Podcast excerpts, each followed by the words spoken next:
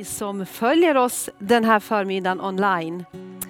Ja, det är speciella tider vi lever i och eh, vi är ändå så glada att vi kan komma till dig på det här sättet. Men åh vad vi längtar att få träffas här på parken. Det är inte många här den här förmiddagen och vi träffas, men vi kan ändå få mötas på det här sättet. Eh, vi har haft en eh, väldigt viktig, tycker vi, vi har fått väldigt god respons på de här gudstjänsterna som vi har haft. De här tre, den här serien av tre, tre eh, eh, gudstjänster av familj och relationer. Eh, vi tycker att det är ett väldigt passligt ämne i den tid som vi lever i. Eh, familjer träffs mer än någonsin. Många sitter i karantän kanske och många är hemma från sina jobb. Och, eh, ja, situationen är väldigt speciell just nu. Eh, och därför så tror vi också att eh, det här kan få vara en tid då man får investera i relationer. Härligt va? Investera i relationer. Och du har fått höra på Thomas, pastor Thomas, han talade för två veckor sedan om eh, att familjen kan vara en plats av eh, både där vi får eh, uppleva kärlek, vi får bli eh, vad ska vi säga, bekräftade, en plats av transparens där vi får vara öppna och sårbara. En plats där vi får växa som människor. Eh, förra söndagen så talade eh, Carl Gustaf Severin som vi hade på besök då, tala om att eh, bygga Guds hus. Som människa, som enskild person men också som, som eh, eh, familj och som eh, i sitt eh, arbetsliv. När vi bygger på Guds hus så bygger Gud vårt hus. Ett jättehärligt budskap. Så gå gärna tillbaka och lyssna på, på den söndagens predikan också.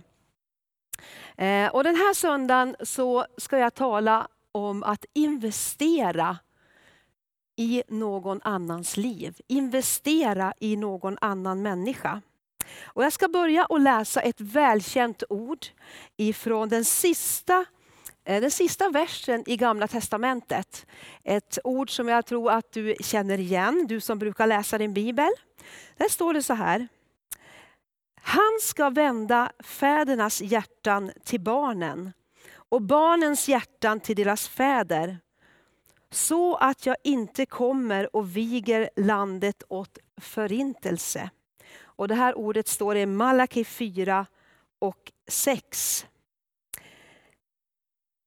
Vår eh, familjekultur, i vårt land i alla fall, tänker vi ofta att det är pappa, mamma och barn. Och vi tänker den där lilla enheten.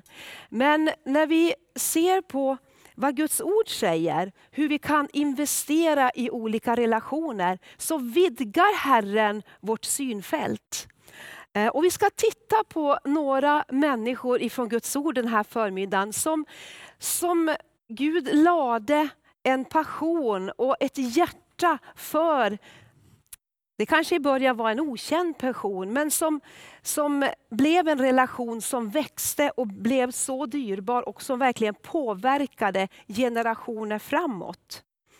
Eh, Bibeln talar om många olika eh, exempel. Vi kan till exempel läsa om Mose och Josua.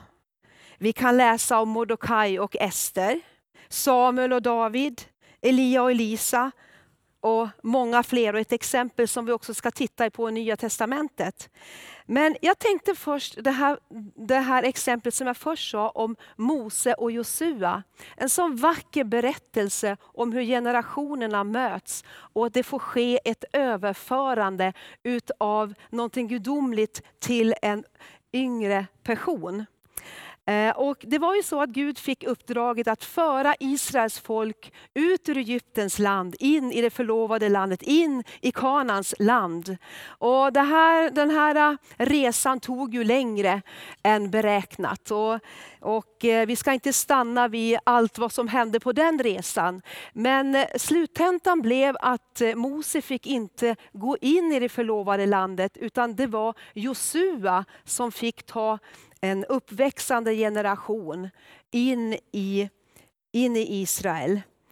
Eh, och eh, vi ska läsa mm, eh, två stycken verser eh, ifrån Andra Moseboken 33 och 11 där det står så här. Herren han talade med Mose ansikte mot ansikte, så som när en man talar med en annan. Sedan vände Mose tillbaka till lägret med hans tjänare Josua, Nuns son, som var en ung man. Han lämnade inte tältet. Vi kan också läsa ifrån fjärde Moseboken 27, 18-20 så här. Herren svarade Mose, ta Josua, Nuns son, en man som har anden och lägg din hand på honom.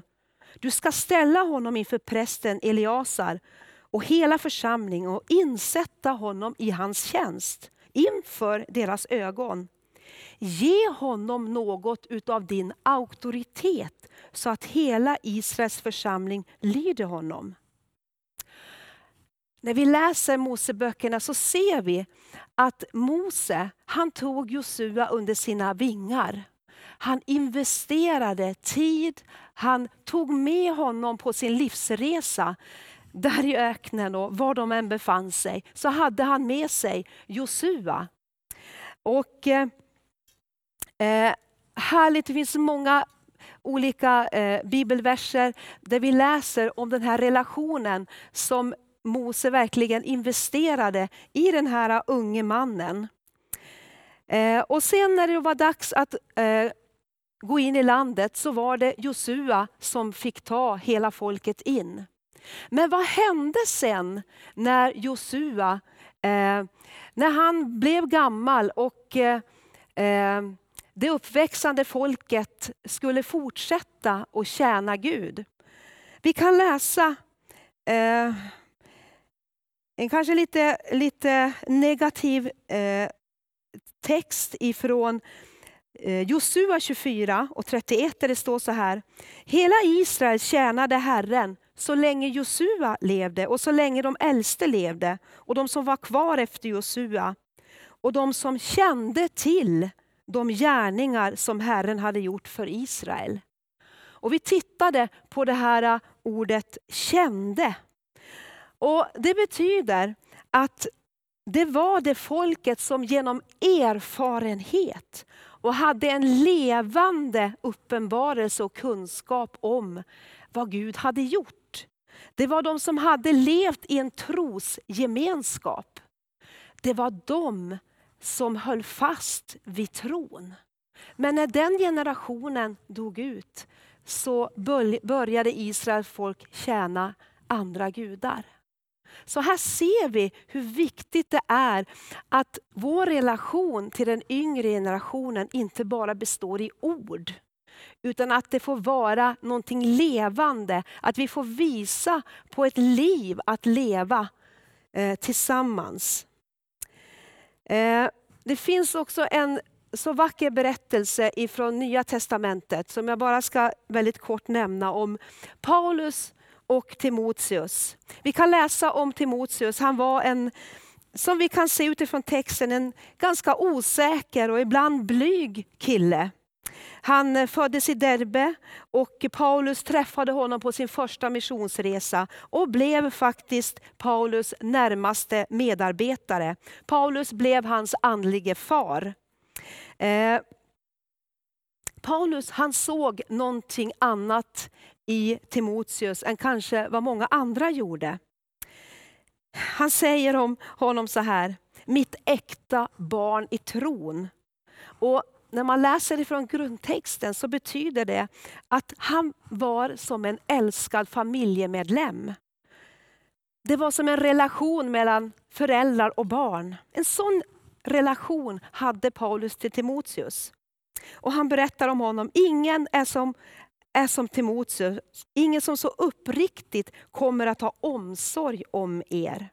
Och Han talar också om hur Timoteus eh, eh, förfäder också tjänade Gud ifrån andra Timoteus brev 1.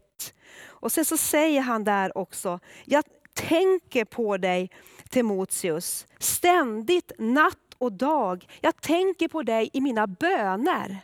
Så Paulus han bara inte spenderade tid med honom, utan han också bad för honom.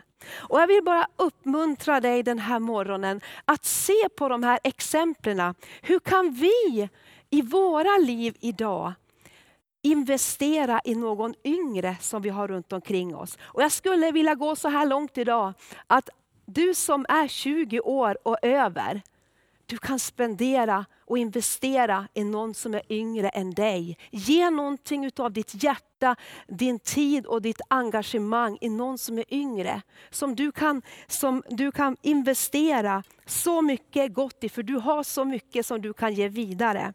Och låt det få synas i våra kalendrar. Låt det få höras i våra böner.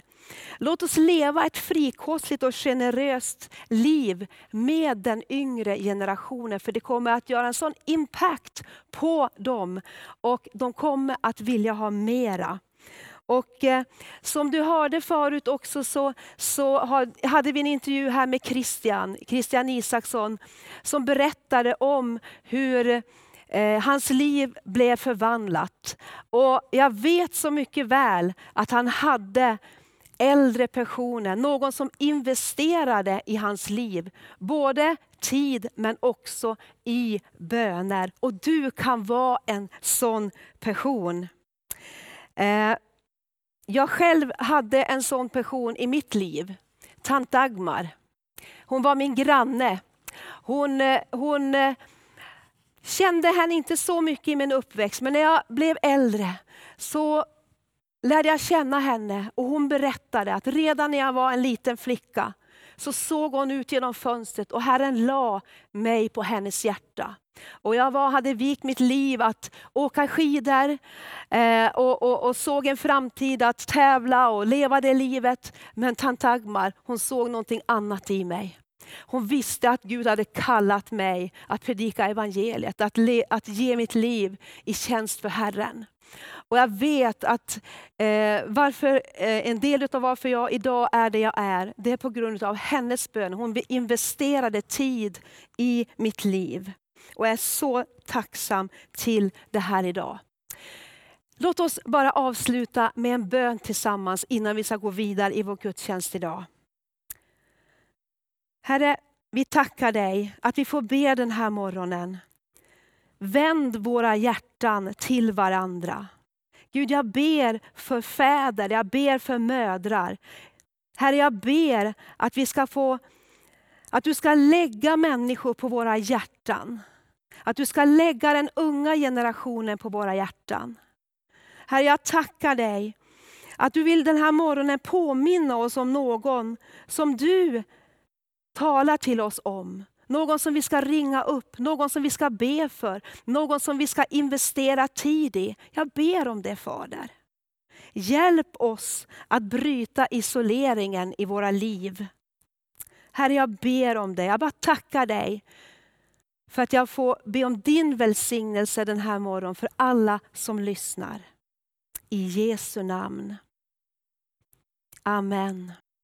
Vi har ju temat för familj och relation just nu i församlingen.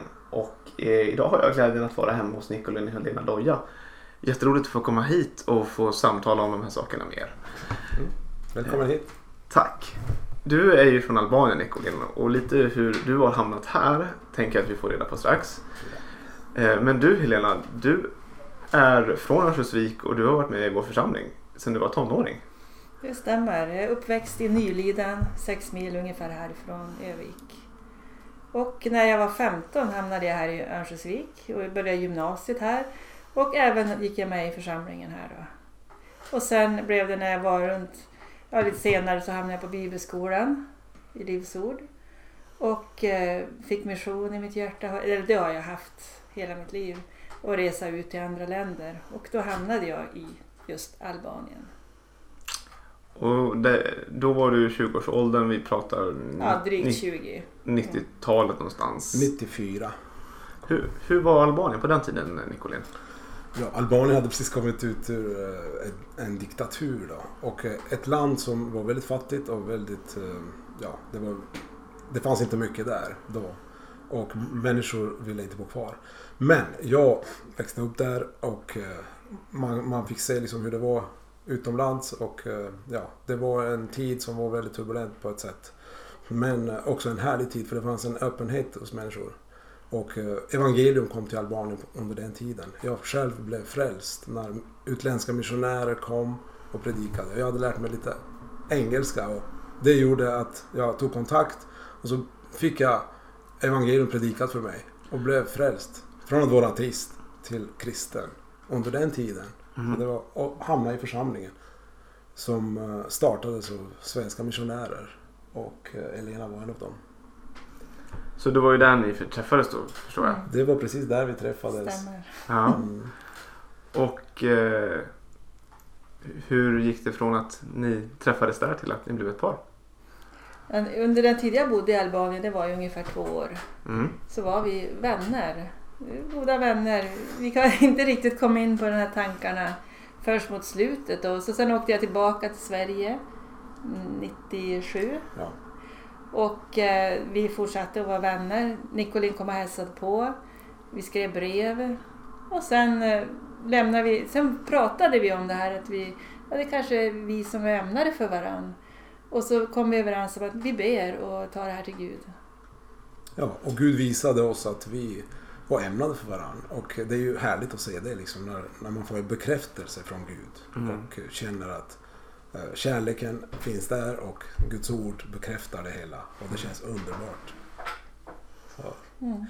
Och det ledde till att vi 99 då gifte oss. Eh, både i Albanien och här i Sverige. Vi hade två, tre olika bröllopsfester då kan man säga.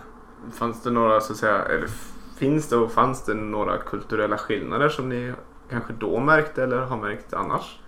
Mellan Albanien och Sverige? Ja men det är ju alltså, alltså i Albanien jämfört med Sverige som är lite mer individuellt och det här. Så är Albanien mycket mer öppet. Eller var på den tiden ska vi säga. Det, är det är 20 år sedan.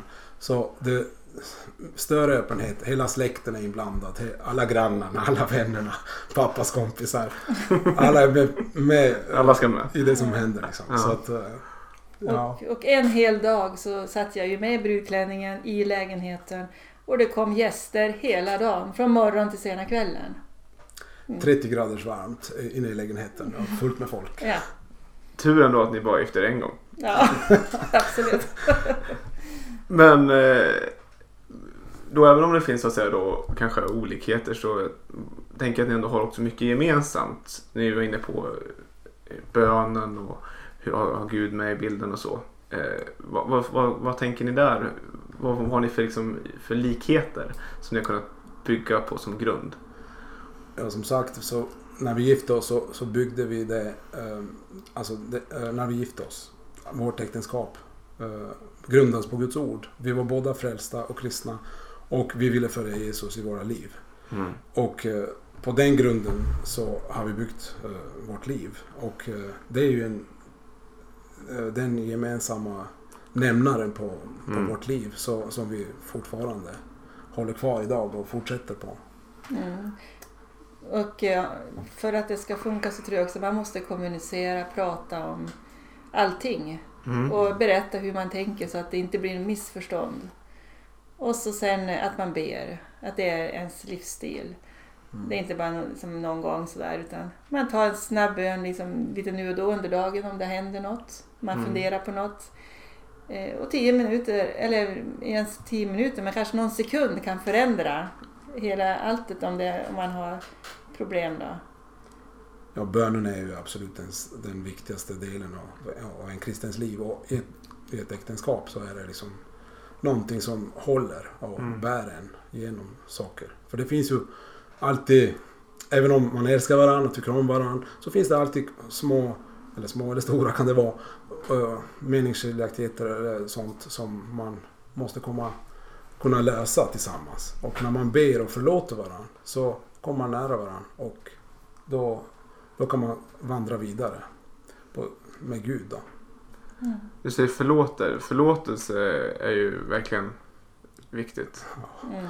Ja, det, kan, det, det händer ofta att man gör saker som man inte borde göra. Och eh, då är det inte lösningen att gå sin väg och tjura. Utan då är det att komma tillbaka och säga förlåt. Där, där höjde jag rösten. Där var jag otrevlig. Där, ja, där gick jag eh, över gränsen. Då, Mm. då måste man kunna lösa det tillsammans. Och, och Mm. eh, det är det vi försöker med. Och det är inte bara perfekt alla gånger. Utan det är någonting som man måste jobba på.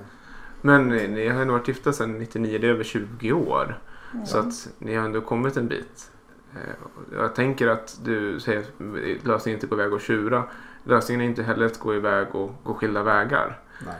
Hur har ni liksom ändå lyckats kunna överbrygga alla utmaningar genom åren? Jag tror att skilsmässa har inte varit någon alternativ någon gång som Mm. vi tänker utan vi har ju lovat varandra, eller inför Gud har vi lovat att hålla ihop. Mm. Och då är det så vi tänker. Ja, och då, då finns det inte det liksom på kartan att Mm. tänka så. Att ja, men nu blev jag jättearg på det att du sa sådär. Nu går jag min väg. Alltså det, det ska man inte göra som vuxen människa. Sen har man tre barn. Då Mm. måste man tänka på lite framtiden och det man har lovat först och främst. Det, man har lovat inför Gud och människor att man ska vara varandra trogna och älska varandra hela livet. Mm. Och då är det bara att göra det. Ja. Gud får hjälpa en. Och det gör han. Och det har han gjort med er. Uppenbarligen. Amen. Det är fantastiskt att se. Ja. Jag tänker tillbaka lite grann på det här med när man väl blir ett par och ska gifta sig. Eh, Jag tycker själv om ett citat som C.S. Lewis har sagt att äktenskap där när två människors livsmål förenas. Och eh, uppenbarligen så har ni förenliga livsmål. Ni båda vill följa Jesus som du, ni har förklarat att ni har den här grunden som ni står på. Jag tänker också på det här sen då framåt genom livet när man får olika idéer och drömmar och projekt som man vill köra. Hur kan man då balansera det här med det gemensamma och sen det, de individuella drömmarna? Ja. Jag tänker att man, eh, man måste sätta den andra fri på något sätt. Så att eh, jag tänker så här att när Nicolin får en idé, jag kanske inte alltid är med på den på en gång. Men han är fri och jag kan, jag kan stötta honom. Mm. Och säga ja, men alltså vi testar det här. Och, och så vidare och då ser man eh, att Gud är med. Och, och man kan hoppa på varandras eh, drömmar och visioner. För man, man, har kanske, man kanske har lite olika eh, drömmar som Gud ger en. Men man blir ändå eh, en i det här som... eh, jag, jag, kan liksom, jag, kan, jag kan hjälpa dig med det du brinner för. Och då kan jag erbjuda mig själv och vara... Kanske inte min grej liksom så, men man blir ju eh, en i det här. Att Ni jag- står enade. stå Ja. enade i det här. Att, att eh, det här är ju någonting som är... För det är ju något som Gud leder och Mm. Gud välsignar en med. Så då kan man komma in i det. Och även om man har sina egna drömmar på andra. Så då, då kan man hjälpas åt i det liksom. Och även där tänker jag att man lämnar ju det i Guds händer. Mm. Ja, det är, man följer Guds plan. Och man ber liksom. Och Gud förvandlar en så att man blir som, som Gud har tänkt också. Mm. Tänker jag. Ja, det är så mycket fantastisk eh, liv, levnadsvisdom och erfarenheter som ni delar med er. Tack så jättemycket för det här samtalet. Jag tror att vi alla kan verkligen dra lärdom av det Nicolina och Helena har, har delat med sig av här. Både vad gäller att kommunicera, förlåta, be och så kärlek. Och sen då att eh, inte låta skilsmässa finnas på kartan. Och att sen stötta varandra i, i olika drömmar och, och visioner som man kan ha. Stort tack för detta. Tack ska du ha. Tack själv. Tack ska ni ha. Hej! Um, jag vill tacka Maria Nordberg, min kärmor, för det där budskapet och vilken underbar intervju vi fick lyssna på också. Eh, jag är så glad att få vara tillbaka här eh, igen i Övik, i min vackra hemstad, i min hemförsamling där, där allting började i början. Och som ni kanske vet så har jag bott i Australien under några år nu och studerat där borta. Och, och allting kom eh, till, en, till, en abrupt, till ett abrupt slut och nu när coronan flög in över, över landet. Och, Eh, jag kom ut i tid, jag fick göra lite läkarbesök och såna här grejer. Och det var lite fram och tillbaka att jag skulle komma tillbaka, men, men det gick bra, jag kom hem. Och häromdagen så ringde jag tillbaka till några av mina vänner där borta bara för att eh, kolla av läget och hur de mådde och så här. Och, Och det var mycket oro bland mina vänner som är kvar där. Det, alla jobb har stängt, kyrkan har stängt, skolorna har stängt och till och med beachen är stängda. Så det är mycket oro och folk har tappat sina rutiner i vardagen. Och det, tänk bara, det är så lätt att börja vältra sig i allting som är, som är problem som vi ser framför oss i de här tiderna. Och, eh, den här morgonen när jag, när jag eh, förberedde för det här budskapet så, så läste jag från Andra Kungaboken om en story om, om Elisa. Och, eh, eh, under den här tiden, så, det här, handla, det här hände i, i första, första, eller gamla testamentet som vi kallar det. Eh, det här var långt bak i tiden, Elisa var en profet i, i landet Israel. Och, och under den här tiden så var Israel i krig med, med ett folk som hette aramiterna. Och aramiternas kung hade befallt sin, sin eh, armé att komma och omringa staden där Elisa bodde och tjänade som profet. Och, och en morgon så vaknade Elisas tjänare upp och han gick ut, jag vet inte, för att hämta tidningen eller någonting. Men eh, den morgonen så såg han eh, en hel armé som bara omringade hela berget där, där Elisa bodde. Och, och han sprang in, han blev förskräckt, han blev rädd, han sprang in och han väckte Elisa och sa, Herre, Herre, vi, vi är omringade, det är slut, det är kört för oss, vi har inte en chans. Och Elisa vaknar upp där, säkert lite morgontrött och han säger, så här kan vi läsa eh, från andra kungaboken 6 och 16-17. Han säger, var inte rädd. De som är med oss är större och är fler än de som är med dem, våra, våra fiender. Och Elisa bad, Herre öppna hans ögon så att han ser. Då öppnade Herren kärans ögon och han fick se att berget var fullt av hästar och vagnar av eld runt omkring, runt omkring Elisa. Vilken häftig bön ändå att be. Jag tänker i de här tiderna som vi är just nu, när vi blir omringade av problem och saker som händer, folk förlorar jobb, folk blir sjuka, folk dör till och med i den här coronatiden. Har vi bett den bönen? Herre, öppna våra ögon så vi ser det här med ditt perspektiv. Eh, det är så lätt att bara fokusera och stanna inne här, men, men vad skönt att vi får be, be den bönen och be Herre om, om, om, om dina ögon, din vision. Vad vill du säga till oss den här tiden? Och jag tror att eh, i den här tiden av isolering så är det viktigt att komma ihåg att vi inte är isolerade från Gud. Han är fortfarande vår frälsare, han är fortfarande vår herde, han är fortfarande vår helare. Han är fortfarande den som försörjer oss med allting som vi behöver. Och Det är så härligt att, att få, få ta del av det. Uh, Jesus säger att, att det är han som är vägen, det är han som är sanningen och det är han som är livet. Och det är genom Jesus som vi finner vårt hopp i den här tiden, i den här säsongen som vi går igenom. Uh, det står i Efesierbrevet vidare att eh, Efesierbrevet 3 och 20. Att han som kan göra långt mycket mer än allt vad vi ber om, allt vad vi kan tänka, allt vad vi kan drömma, allting. Genom den kraft som, som bor i oss, den helige Ande som hjälparen som vi kallar honom, den som vi har tagit emot när vi har tagit emot Jesus som vår frälsare. Den kraften finns i dig och den kraften finns i mig. Och vilka böner ber du under den här säsongen? När du tänker på det här bönordet, eller bibelordet här. Vågar vi be sådana böner i den här tiden? För som sagt, Gud är inte frånvarande. Och jag tror att Gud vill säga någonting och lära oss någonting i den här tiden eh, som vi går igenom. Eh, en annan sak som jag upptäckt när jag kom tillbaka hit är att eh, klockan 14 så, så sker det någonting i, i den svenska folksjälen. Alla samlas i tv-soffan för att, för att se på Agne, eh, Anders Tegnells senaste uppdatering om, om coronaviruset. Och, och han står där som en ledare, som en landsfader och lite ansiktet utåt eh, för den svenska modellen. Och jag tycker det är många som vänder sig till honom. Det, det sker lite som en personkult runt omkring honom och det är ganska kul för att, för att han är verkligen ansiktet utåt för Sverige, det här att ja, men vi kan gå vår egen väg. Och, ja, det är ganska häftigt att se men jag undrar bara, var, var söker du din tröst i den här tiden? För jag tror att i den här tiden så, så söker vi alla en frälsare vad vi än gör. Vi, vi, söker någonting som kan stilla den oro som sker när, när folk blir sjuka runt omkring oss. Vi ser våra vänner tappa jobb, kanske du har tappat ditt jobb också. Du undrar varifrån får vi vår försörjning? Hur kan vi betala vår hyra? Hur kan vi ens köpa mat till våra barn? Och jag tror den här äh, frälsningen som alla söker, det, för att få stilla den oron, den ångesten, det, det kan vi finna var som helst. Det här första steget, det är bara för att släcka den där lilla, lilla branden som finns. Det kan vara så enkelt som du sitter och kollar på en hel serie av Netflix en kväll när du kanske kunde spendera tid och bygga en relation med dina, med dina barn, eller med dina föräldrar, eller med dina vänner, eller kanske i församlingen. Eller det kan vara att du börjar ha dåliga matvanor, och du börjar äta chips i den där Netflix-soffan också varje kväll. Eller kanske till och med att du söker din tröst eller din frälsning i Anders Tegnell. Skämt åsido så, så ingenting av det här är dåligt i sig, men, men det jag försöker säga är att, eh, att, att eh, när vi vänder oss till de här sakerna, för frälsning, för, för någonting att släcka vår oro, så missar vi livet, vi missar hoppet, vi missar sanningen eh, och framtiden som vi bara finner i vår frälsare Jesus Kristus. Han väntar på dig med öppna armar. Han ser på dig med kärleksfulla ögon och han känner dig vid namn.